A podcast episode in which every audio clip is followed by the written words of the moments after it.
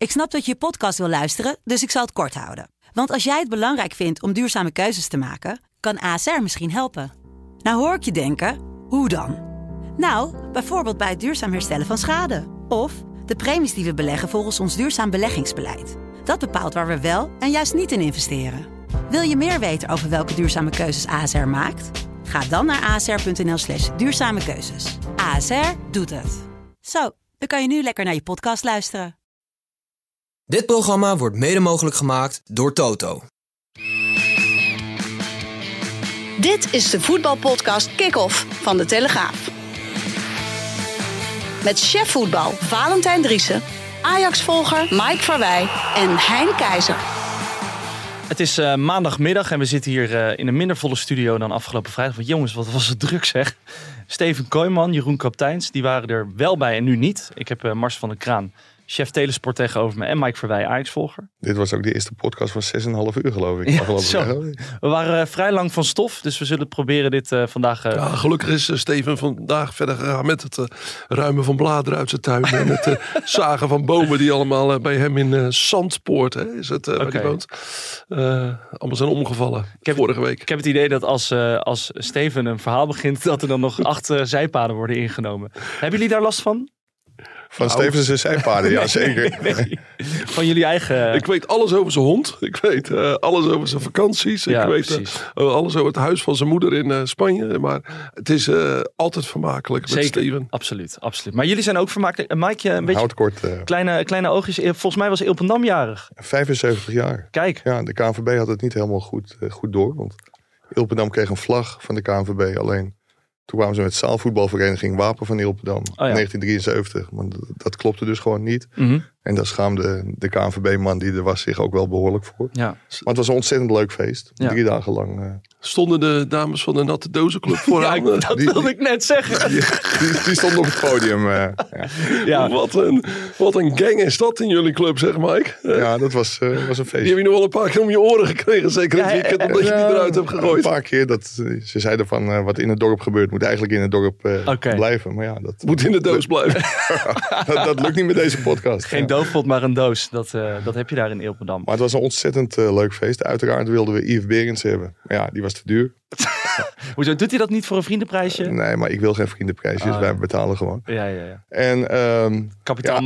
Maar eh, ik moet wel even zeggen, zijn concert in AFAS. Ja. Mede dankzij de podcast. Mhm. Uitverkocht. Kijk, Tot het laatste nieuws. plekje uitverkocht. Maar wij hadden met Sven Verstegen en eh, Danny Vroger twee hele goede vervangers. oké. was beren gezellig, maar Goed dat hoor je wel, denk ik. Ja, ja klein, kleine oogjes, maar een schoorstemmetje valt wel mee, toch? Ja, ik denk pas me een beetje aan een chef. Die, eh, De chef heeft ook... eh, Die er permanent last van heeft. Permanent, ja. Hey. Maar er kwam Danny in eh, een leuk autootje aan, Mike. ja, over het, over het hoofdveld. Want Echt? hij moest achter het podium parkeren. Maar ja, het had daarvoor behoorlijk eh onweer. Dus het, het veld is ook voor komend seizoen al onbespeelbaar. Ja. De remsporen van Danny, die, eh, de die- andere remsporen Eh, staan die in het staan veld van dat- Die Ilpendam. staan er ja, de komende maanden in, denk ik. En- het leuke was, daarvoor speelde een veteranenteam eh, van, eh, van Ajax een wedstrijd tegen Ilpendam, Ilpendam 3. Was je grens? Nee, ik heb, Oh. ik heb gewoon staan kijken. En eh, ja, daar zat Olaf Lindenberg in. En nog wat bekenden van ons uit de regio. Die bij de amateurs van Ajax speelden.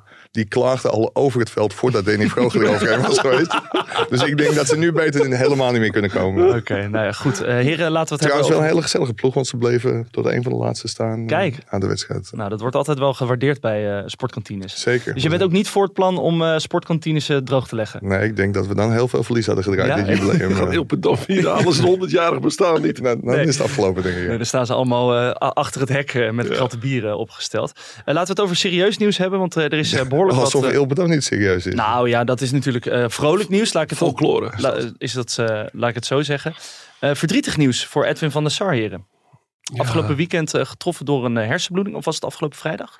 Vrijdag, eh, bij mij kwam de eerste tip binnen vanuit Kroatië. Ja, en eh, toen zijn we dat gaan natrekken. En toen, ja, toen kwam toch wel het verzoek van Ajax, ik denk wel dat ik dat mag zeggen, om het nog even stil te houden. Mhm. Omdat nog niet alle familieleden van Edwin eh, op de hoogte waren gesteld.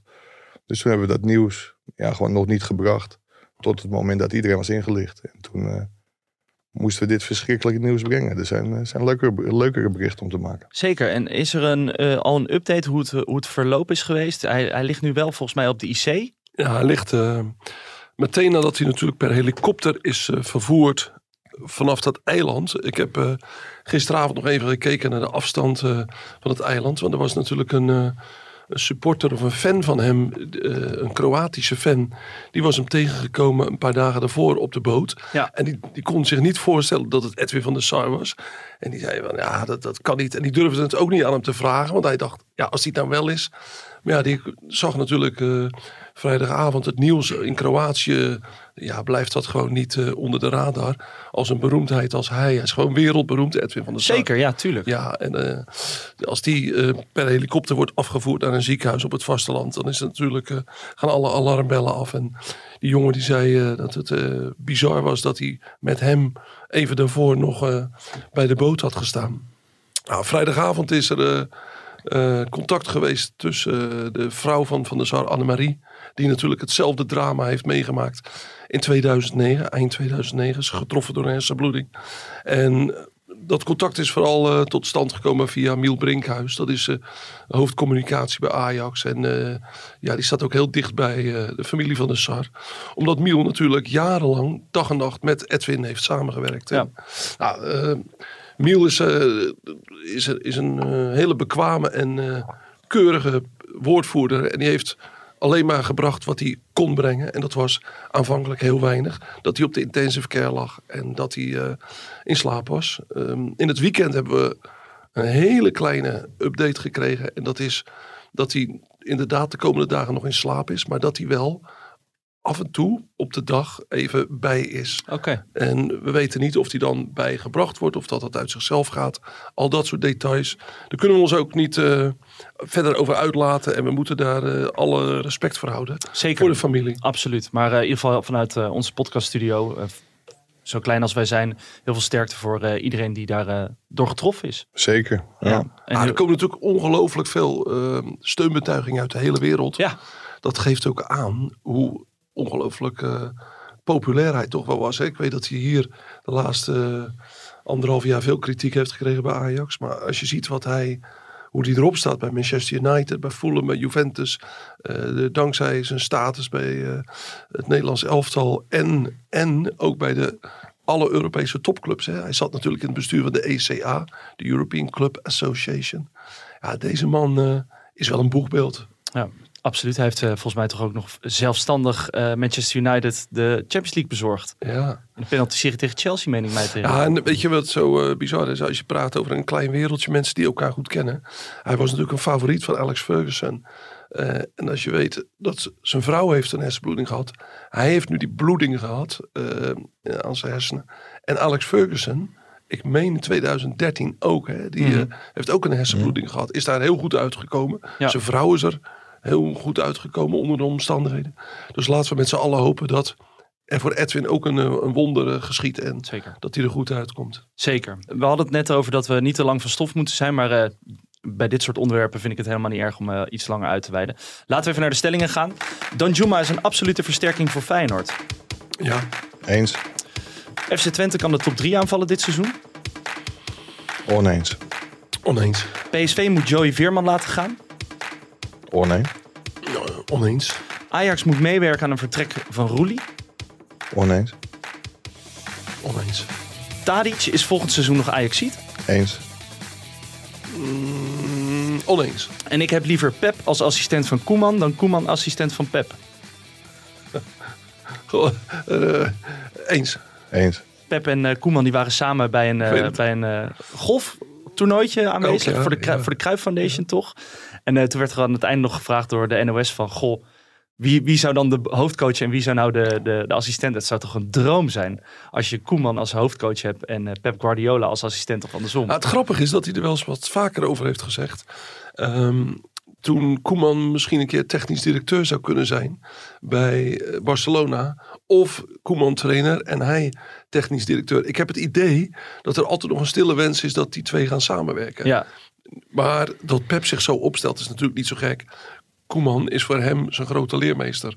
Cruijff was dat. Maar ook Koeman. Want we kennen allemaal het verhaal dat Cruijff eh, op een avond eh, bij Koeman aanklopte op de kamer. En die zei, eh, jij krijgt een nieuwe kamergenoot. In die tijd hadden de spelers nog gewoon eh, eh, twee bedden op een kamer Ja. staan. En tegenwoordig Mhm. krijgen ze allemaal in een vijfsterren hotel een hele eigen kamer. Maar toen zei hij, je krijgt een nieuwe erbij. En dat is een jongen die komt uit de jeugd, uit La Masia, de academie van Barcelona. En hij heet Pep Guardiola. Nou, zegt Koeman, dat is goed. Ja, zegt Cruijff, maar ik wil dat je die heel goed gaat begeleiden. Want het is een hele, heel groot talent. Een hele belangrijke speler kan het worden voor ons. Hij komt vlak voor je te spelen eh, op het middenveld. En nou, die eh, Koeman zei, nou, dat is pri- prima.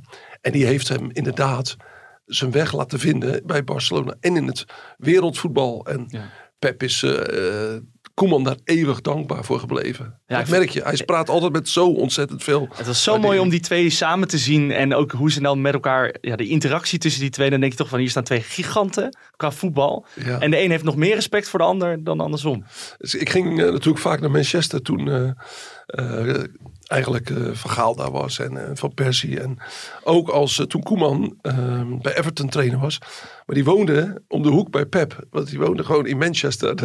er is bijna geen trainer en geen voetballer die in Liverpool gaat wonen. Hè. Dat vinden ze allemaal nog steeds een soort, nou, een, een soort mindere, mindere stad. Maar, en als het maar even kon, dan gingen ze in een klein dorpje eh Elderly Edge. Dan gingen ze daar naar een van die mooie restaurants. En dan zaten ze altijd samen te eten. wat dat, eh, dat hielden ze er wel in. Wauw, mooi om te horen. Eh, belangrijk nieuws, of nou, belangrijk nieuws, Mike. Eh, er gaan geruchten rond dat Tadic zijn contract aan het ontbinden is. En dat hij eh, wordt ook in verband gebracht met Turkse clubs. Met Besiktas. Besiktas? Ja. Heb jij daar nieuws over? Ja, in, in zoverre dat ik heb nagetrokken of het, of het klopt dat hij op een vertrek bij Ajax aanstuurt. En als je dan mensen dicht om hem heen een berichtje stuurt, dan krijg je alleen maar rood-wit, rood-wit, rood-witte balletjes. Ja. Dus met andere woorden van, eh, nee, hij is eh Ajax en blijft Ajax ziet. En op een gegeven moment kreeg ik zelfs de vraag, of wil je soms dat hij weggaat? Nou ja, ik wil helemaal niks. Nee. Maar ik denk dat Tadic inmiddels zo'n Ajax ziet is. En ook, hij heeft ook een contract voor, eh, voor best wel lang nog. Ja. En na zijn carrière zou hij ook een functie krijgen. Of in de staf, of, Mhm. of een andere functie binnen Ajax. Dus ik denk dat hij dat niet weg gaat gooien voor een club als Besiktas. Met alle respect voor Besiktas. Maar als er grotere clubs komen, en daarom moest Marcel ook lachen, denk ik van... Speelt hij volgend jaar nog bij Ajax? Marcel denkt van niet. Ik denk het wel. Maar als er een grote club komt... In het verleden is, is hij in verband gebracht met Milan, met Barcelona. ja. Ik denk als die kans nog een keer voorbij komt, dat hij dat wel wil. Maar is het eh, handig om een speler als Tadic, die toch eh, ja, belangrijk is in de kleedkamer, ook echt een aanvoerder is? We hebben het natuurlijk vorig jaar gezien bij eh Schreuder, dat Tadic toen op een gegeven moment ook langs de zijlijn begon te coachen. Moet Marie Stijn dat in zijn selectie willen hebben? Ja, ik denk dat je Tadic, want jij kijkt daarnaar, ik denk dat je veel beter...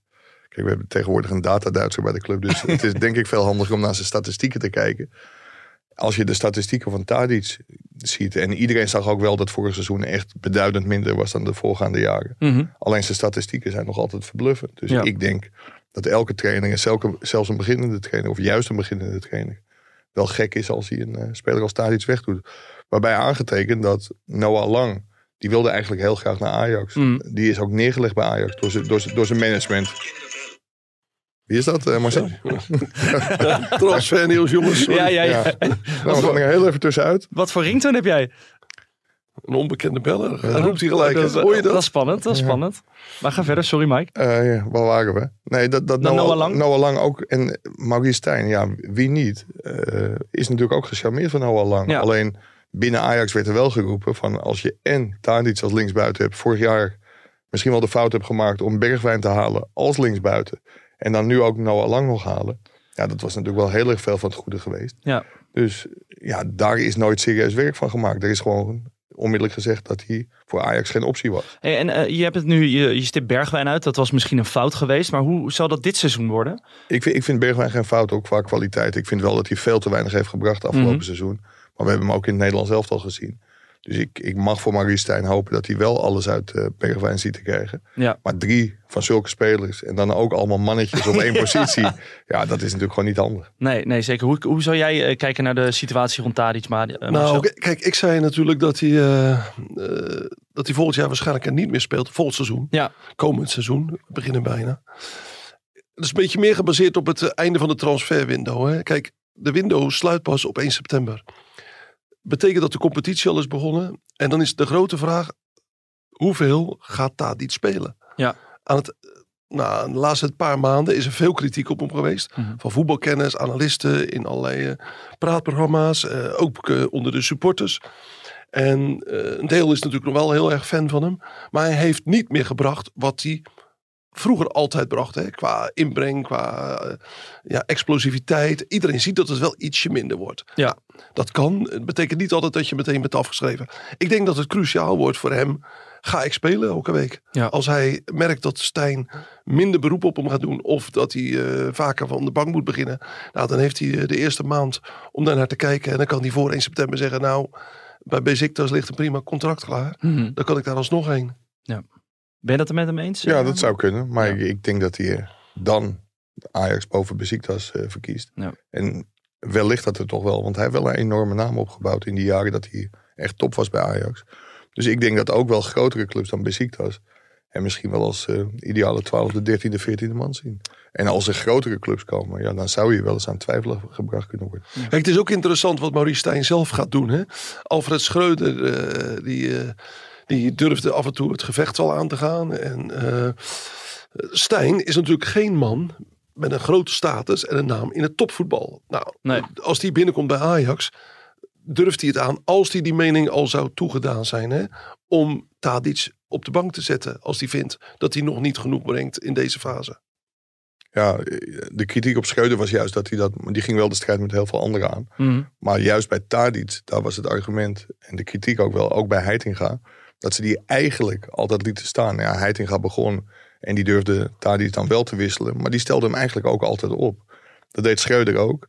Ja, en hoe Maurice Stijn daarmee omgaat, dat ben ik wel met Marcel eens. Maurice Stijn komt natuurlijk binnen als relatieve nobody. Heeft eh, nog geen grote clubs gehad. Dat had Erik ten Hag ook niet, hoewel die bij Utrecht had gezeten. Ja, die ging met iedereen de confrontatie aan. En ja, het zal wel bepalend zijn hoe Maurice Stijn daarmee omgaat met Tadic. Maar ik denk dat Tadic nog zoveel waarde heeft dat hij onder elke trainer gewoon zou spelen. De eerste oefenwedstrijd eh, van Ajax zit erop. 2-2 tegen FC Den Bosch. Ontzettende zepert van eh, Remco Pasveer. Spektakel, hè? Ja, was je erbij? Nee, we konden daar niet bij zijn omdat eh, Ajax op veld 5 aan de toekomst speelde. Het hoofdveld wordt, eh, wordt nog gerenoveerd. Omdat Danny Vroger er met een auto overheen is Nee, nee, nee, nee. Dat, dat, wil- dat wilde hij wel, maar dat mocht hij niet. Dat mocht hij dan niet. Maar eh, ja, het is dan wel verbazingwekkend. Dan moet de pers moet op Ziggo, de hoofdsponsor van Ajax, kijken. En dan zie je vervolgens een mannetje of 50 eh, Ja. langs de kant staan. Sven Mislintat, Ten Hag, de commercieel directeur. Plus nou ja, nog heel veel andere genodigden. Ik denk, ja, ruim dan een plekje in voor, eh, voor vijf, zes vaste Ajax, eh, Ajax-volgers. Mhm. Ah, Mike, als je bij Real Madrid uit maar bij bent, hè, dat eh, vind ik belangrijk. Ja, die, die wordt door sommigen ook over, over, overgeslagen. Maar zou ik zou ik een keer een quizvraag Ja, van moeten precies. maken? RTL 4 eh, om half zeven. Nee, maar ik, ik- kijk, bedoel, daar kun je heel erg druk over maken. Maar dit is nou niet het weekend bij Ajax om je over zulke dingen druk te maken, denk ik. Toch maar 2-2. Eh, is dit dan, begint dan de onrust al bij, bij Ajaxide, onder Ajaxide op te spelen? Nou ja, we hadden, had ik al gezegd dat we het jubileum hadden afgelopen weekend. Of niet? nou ja, dan, dan spreek je in Ilpendam heel veel Ajax, eh, Ajax supporters. En die maken zich wel heel erg zorgen. En niet vanwege de 2-2 tegen Den Bosch. Want de internationals die komen woensdag pas, eh, pas Ja. voor het eerst. Hey, maar zal ik even inhaken? Ja? Eh, Hein, we weten welke kleur en eh, Club Hein steunt. Hè? De, Hmm. de club uit Rotterdam. Hein, weet jij nog de eerste oefenwedstrijd Ja, van jouw club vorig jaar? Kopenhagen. 0-7. Feyenoord Koma, Kopenhagen. 0-7. Ja. Ja. Ja. Ja.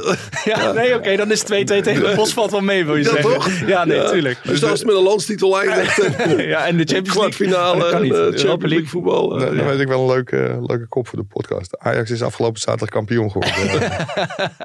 Voorschot op titel. Voorstel van- Ajax neemt voorschot op titel. Dat is wel Opmerkelijk, Maurice Stijn is al bijna kampioen. Ja, ja, dat is een mooi. Meistermacher. Nee, nee maar, maar Ajax... Betere, start, betere start dan slot. Ja. Belooft wat. Maurice Stijn start nu al beter dan Is Slot. Stijn nog ongeslagen? Kijk, zo, zo gaat het dus op de telesportredactie. Ja, ja, zo kan fijn. Nee, maar eh, de Ajax-fans, en zelfs op het jubileum van Ilpendam, die maken zich wel heel erg zorgen. Ook omdat Mark Overmars was zo, en die had ook een filosofie, samen met Den Haag, en dat spraken ze ook uit, dat op de transfermarkt gingen ze eerst op zoek naar spelers uit het Nederlands elftal, die interessant zouden kunnen zijn om terug te halen naar de Eredivisie. Nou, Ja. dan zie je Noah Lang naar PSV gaan. Eh Feyenoord is bezig met Danjuma, daar komen we zo nog, eh, nog op, denk ik. Dat zijn wel kansen die Ajax laat lopen, omdat Ajax zich heel erg toespitst op data. En Ajax heeft nu een nieuwe directeur voetbalzaken die zich nog moet bewijzen. Die heeft vooralsnog met Tahirovic een veel te dure Bosnier van AS Roma gekocht. Maar dat zou een schot in de roos kunnen zijn. Alleen als je in de markt hoort, dan wordt er gewoon gezegd... die was voor 3 miljoen ook op te halen. En daar betaalt Ajax 8,5 miljoen euro voor. Nou ja, prima, gefeliciteerd. Dus het is iemand die zich nog, nog moet bewijzen... maar zich heel erg op data richt. En daardoor ook kansen die voorbij komen gewoon negeert. Je hoort ook van zaakwaarnemers. Ja, al leggen we Lionel Messi bij Mislintat neer. Hij kijkt er niet eens naar. Oké. Dus hij is heel erg met zijn eigen mensen bezig om spelers aan te trekken. Ja, die op de geëikte lijstjes niet voorkomen. Dus dat kan heel goed uitpakken. Ik wil er ook helemaal geen oordeel eh, aan hangen. Dus misschien dat hij wel eh, ja, tien hele goede spelers haalt die niemand kende in Nederland. En, Ja. en Ajax in één keer eh, kampioen wordt. En met 20 punten voorsprong. Dus hou me ten goede. Alleen, het is wel een hele nieuwe manier van werken. En Ajax heeft nog bijna niks gedaan op de transfermarkt. Dat komt ook omdat ze eerst moeten verkopen en dan pas zullen gaan kopen. Nou, de handtekeningen bij Timbers zijn nog steeds niet gezet, maar dat is... eh, Er was al een goodbye party gegeven en dat werd ook eh, veelvuldig Ja, eh, dat- gedeeld. dat is- Inclusief spelfout. Had je dat gezien? Dat was goodbye. was B-E-Y in plaats van B-Y-E. ja, Ja. precies. Het kan niet goed voetballen, hè, die jongen. Ja. Maar, Nee, was zijn broer toch die dat had gemaakt? nee, Ik weet niet, nee, volgens mij niet. Iemand anders toch, of niet? Nou, althans zijn broer die had het gepost. En toen eh, ging iedereen, viel iedereen eroverheen. Nee, maar, maar, maar dat is rond. Dus Ajax Ja. kan, kan nu spelers gaan aantrekken. En dat moet ook wel snel gaan gebeuren. Want het gevoel is gewoon heel negatief. Ajax heeft afgelopen seizoen dramatisch afgesloten. Mhm. Weer de derde als PSV kwaad had gewild. Hadden ze Ajax vierde kunnen laten worden. Door te verliezen van AZ. Ja, dat is uiteindelijk niet gebeurd. Maar het sentiment rond Ajax is wel heel erg negatief. En daar moeten Mislintat en Stijn wel veranderingen gaan brengen. Maar zo'n speler als Danjuma, je zegt net van ja, Noah Lang werd aangebieden bij A- eh, aangeboden bij Ajax. Is zo'n speler als Danjuma dan helemaal niet de revue gepasseerd bij Ajax? Nee, dat denk ik niet. Oké. Ja. Hij is wel eh, de revue gepasseerd bij eh, Feyenoord. Dat eh, melden wij Ja, afgelopen weekend. En ik durf wel met eerlijkheid te zeggen dat veel Feyenoord-fans op dit soort nieuws zaten te wachten. Eindelijk een speler die ja alleen, Champions League waardig is. Marcel? nou, dit zijn natuurlijk de namen die je hoopt eh, dat er voorbij gaan komen bij Feyenoord. Als je de Champions League ingaat, als je de landstitel wil verdedigen. Ja. Er moet echt kwaliteit bij. Ik ben eh, zaterdag zelf eens kijken bij eh Smitshoek, de voetbalvereniging Smitshoek in Barendrecht. Waar het voor mijn gevoel 45 graden was. En ontzettend veel supporters op af waren gekomen rond het veld.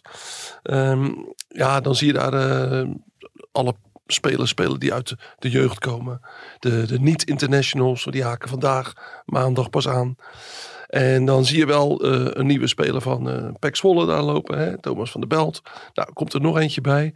Maar Van der Belt en eh, Thomas Belen, die zijn niet de jongens die deze ploeg kunnen dragen in de Champions League natuurlijk. Hè. Dan zouden ze wel, zou je twee keer het geluk van Mats Wiever moeten hebben om, om ze zo snel te laten ontwikkelen. Nou, Ja. dat, dat zou kunnen, maar dat verwacht ik niet. En, en dan wil je een jongen als Danjuma. Nou, ik heb eh, inmiddels begrepen dat eh Feyenoord wel hem een, een geweldige speler vindt, maar enorm aanhikt tegen, de financiële, eh, tegen het financiële plaatje wat aan hem vastzit. Villarreal vraagt een huurprijs van miljoenen. Ja. En zijn salaris bedraagt ook miljoenen. Nou, spelers kunnen altijd een beetje water bij de wijn doen. En je kunt ook vragen of die club nog wat water bij de wijn doet. Maar het totaalplaatje is op dit moment echt te groot. En er, eh, er zal wat moeten gebeuren. En dan heb je het weer. We zitten nog vroeg in de transfermarkt. Er is nog alle tijd voor Villarreal om te kijken of er andere clubs wel flink over de brug willen komen. Nou, dan komen we bij één eh, probleempje. Aan de, in de Premier League, daar willen ze natuurlijk best dat soort huursommen betalen van 4, 5 miljoen per jaar. Alleen, de vraag is, moet hij daarna terug? Want hij zat bij Bournemouth, eh, nou, is daarna weer weggegaan. Kon naar Everton, nou, daar heeft hij van afgehaakt omdat de trainer eh, werd ontslagen. Eh, vervolgens kwam hij bij Tottenham Hotspur. Nou, daar heeft hij meer op de bank gezeten dan dat hij kon spelen. Dus voor hem zit daar niet het perspectief. Dat zit wel in de Kuip. Mhm. Maar eh, als dat financiële plaatje dan zo, zo klinkt, zoals jij dat nu schetst, is dit niet het moment dat Feyenoord ook een keer moet zeggen: we gaan over de brug komen, we gaan dit soort bedragen betalen voor eventuele huurspelers of spelers? Nou, dat soort, als het hele plaatje laat ik zeggen, tussen de 7 en 10 miljoen gaat worden voor een jaar. Dan is dat voor een huurspeler Mhm. wel heel veel. Hè? Dan praat ik over salaris, eh Ja. huursom, alles bij elkaar. Ja, daar kun je een speler voor kopen. Als je die in de scouting hebt zitten eh, in Oost-Europa, in eh, Zuid-Amerika. En ik denk dat dat de afwegingen zijn die Feyenoord op dit moment maakt. Ja. Moeten we overhaast hiervoor gaan? Of eh, moeten we even kijken of dit niet ja, weggegooid geld is? eh. Ja, het wordt zo, snel. Nou, wa- wat je ook niet moet vergeten. Kijk, Feyenoord heeft natuurlijk wel de luxe dat ze weten dat ze in de groepsfase van de Champions League zitten. Dus Feyenoord heeft er misschien ook wel bij Danjuma belang bij om te wachten. Want als hij niet verhuurd wordt aan een Premier League club of een andere club, heb je Ja. zomaar kans dat aan het einde van die transfermarkt die prijs wel flink omlaag gaat. Daarmee loopt Feyenoord wel het risico dat de competitie dan al is begonnen. Maar in de Champions League kun je gewoon nog met hem... Ja, ze hebben natuurlijk het geluk dat ze zich niet hoeven te kwalificeren. Ja. En Ja. wat later kunnen beginnen. Ja. Ehm, Dus dan kun je ook wat afwachten op de transfermarkt. Om, om prijzen te laten zakken. Ja. En eh, Marcel, nog een vraag over eh, binnen Feyenoord dan over Geert Truida. Eh, die heeft persoonlijk aangegeven dat hij echt weg wil. Wat is de laatste stand van zaken op dat, op dat Ja, gebied? Het is heel simpel. Er, er verandert niks. De, Dennis de Kloeze, de, de, de hele directie en de trainer zeggen gewoon ja, je hebt een contract getekend. Ja. Wat jouw mogelijke nieuwe werkgever wil bieden is volstrekt niet genoeg. En als er niks anders gebeurt, ja, dan blijf je hier. Ja. Zijn management deed de vorige keer ook heel moeilijk bij die contractverlengingen. Bij Ajax was opeens Kudus, kwam niet op het trainingsveld. Alvarez. Verwacht je dat ook bij Geert Ruijden, dat hij het zo hoog op zal spelen? Of... Nee, ik denk dat hij, eh, dat hij blijft spelen. Hij is een eh, jongen van de club. Hij is eh, heel zijn leven daar opgegroeid. Ik denk dat hij zichzelf enorm eh, in de problemen zou brengen.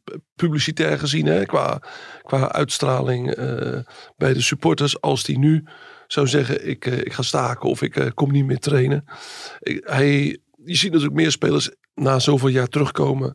En ik denk dat, eh, dat hij er goed aan zou doen om, om zo lang mogelijk zich zo goed op te stellen naar de club. Ook naar je publiek toe. Hij is heel populair. Het is een van de populairste spelers. En we hebben natuurlijk gezien bij Arne Slot, toen hij met Tottenham Hotspur in de, in de slag was, hoe snel de publieke opinie kan omslaan. Hè? Je, ene moment ben je waanzinnig eh, populair, maar op het moment dat de supporters denken dat je eh, andere belangen hebt, ja, dan slaat de stemming snel om. Ja, ja daar weet Onana van der Sar natuurlijk ook alles, eh, alles van hoe snel dat kan gaan. Je kan nog heel veel geweldig goed hebben gedaan voor een club. Zeker. Dat kun je binnen een dag, eh, dag verpesten. Het is ook wel de hypocrisie van het voetbal natuurlijk, eh, eh, samengevat.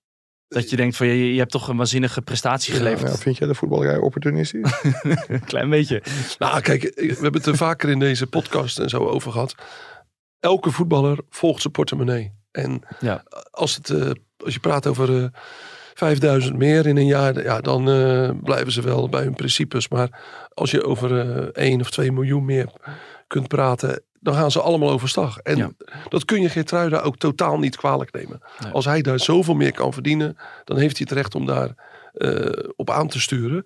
Maar Feyenoord heeft ook het recht bij een doorlopend contract wat net verlengd is, om eh, daar de hoofdprijs voor te vragen. Ja, Zeker. En het kan ook in het belang zijn van Geert Ruijden. hè. Want als je nou echt over opportunisme hebt. Nu een jaar blijven, een jaar Champions League spelen. Misschien dat er dan nog, nog veel grotere clubs dan... eh, Ja, precies. dan Je noemde Onana, hè? Hm? Je noemde Onana net. Dat deed, eh, deed Mike. Jazeker. Ja, nou, eh, dat, dat zit er ook wel aan te komen, geloof ik, hè? Ja, de- ze zijn heel hoopvol. Onana zelf heeft een eh, overeenstemming bereikt over een, eh, over een contract. Oké. En ja, de- Bij Manchester United. Ja, nee, dat, eh, ja. nee, Ja, niet, bij. Ilpendam, nee. hij wilde wel komen op het jubileum, maar de kaarten waren uitverkocht. nee. Ja, dat gras was ver- vernacheld door ja, Danny ja, Vroger. Ja, precies. Maar eh, eh, waar hadden we het over? Ja, nee, Onana. Komt eruit met, met Manchester United. Die Ja. heeft alle voorwaarden gehoord. eh, waarvoor Om, je kan tekenen. om wat voor bedrag zou het gaan, eh, zijn transfersom? Ja, dat zou rond de 55 miljoen euro richting de 60 miljoen euro met bonussen moeten gaan. Dus dat is wel een enorme sepert voor, eh, voor Ajax dat hem transfervrij heeft laten vertrekken. En dat komt eigenlijk alleen omdat Overmars en Ten Hag, die waren zo boos over die plaspilaffaire. Ja. Dat ze hem een nieuw contract hebben aangeboden. Nou, dat was voor de helft van zijn salaris dat hij verdiende.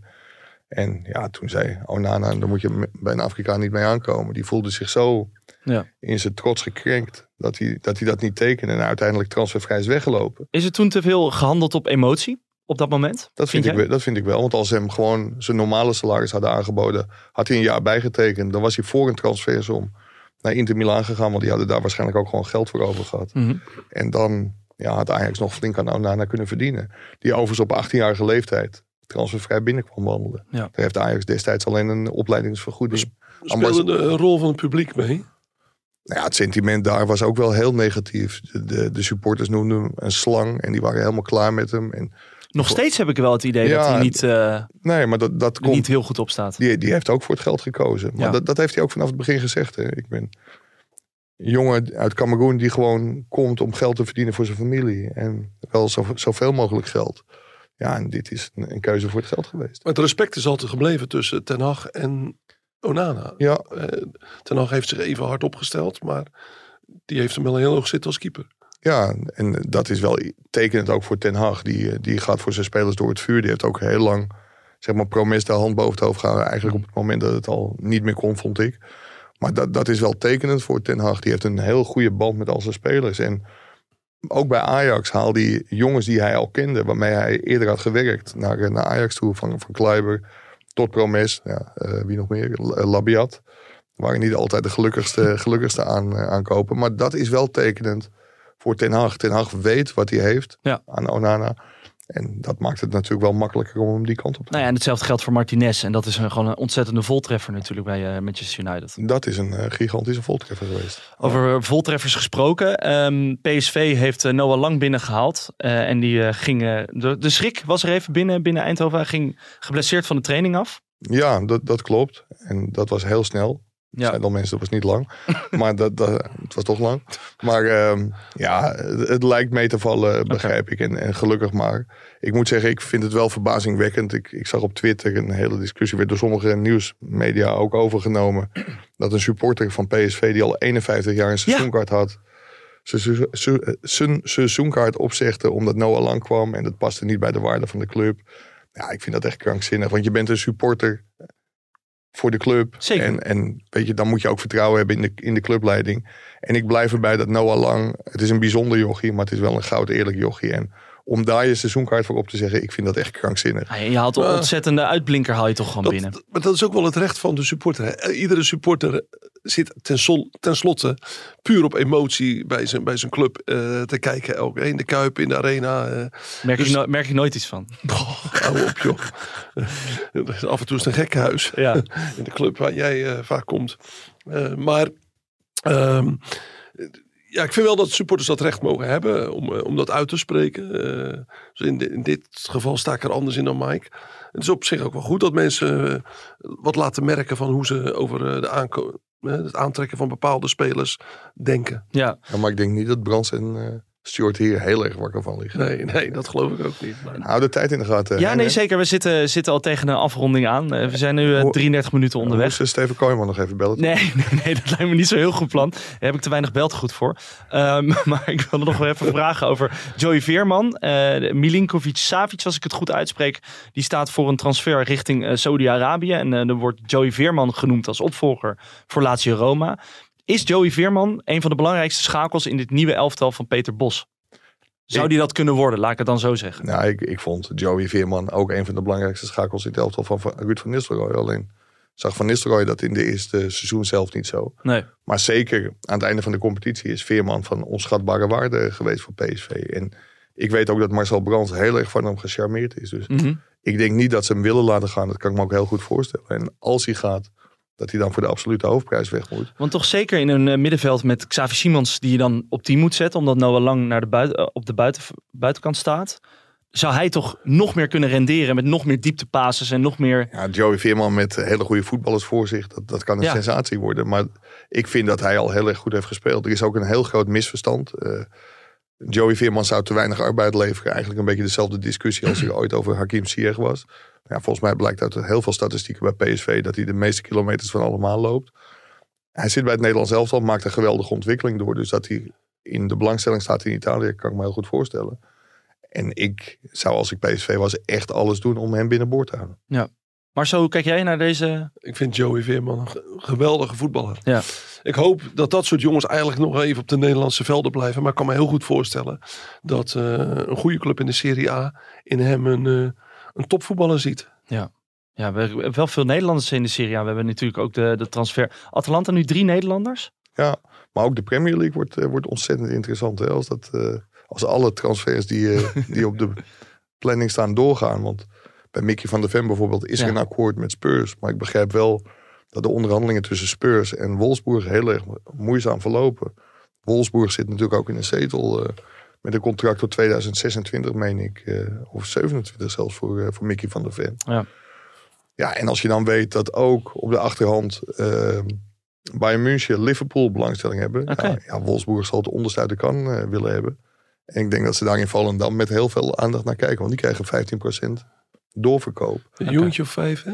Ja, als, als hij wordt verkocht. Want het, het allerongunstigste geval zou natuurlijk zijn Dat hij blijft. dat hij blijft bij, eh bij Wolfs- Wolfsburg. Want dan krijgt Volendam helemaal niks. Ja. Gezien de tijd, eh, heren, nog een, eh, een slotje. Eh, ik wil het even over FC Twente hebben. Leuk man, slotje. Ja, mooi. Eh, FC Twente, die vorig jaar werd er best wel vaak gezegd van dit was nou de ploeg die in dit seizoen, in het volgende seizoen dus, waarin PSV eigenlijk niet rendeert, waarin Ajax niet rendeert, dat Twente wel eens een stap zou kunnen maken. Zou dit nieuwe seizoen dan nog zo'n seizoen kunnen zijn, dat dat kan gaan gebeuren? Ze hebben natuurlijk het merendeel van de kern van hun elftal nog vast weten te houden. Ja, ze, Ze zijn, hebben een nieuwe, speler nieuwe spelers aangetrokken, zo'n Ja. Unovar.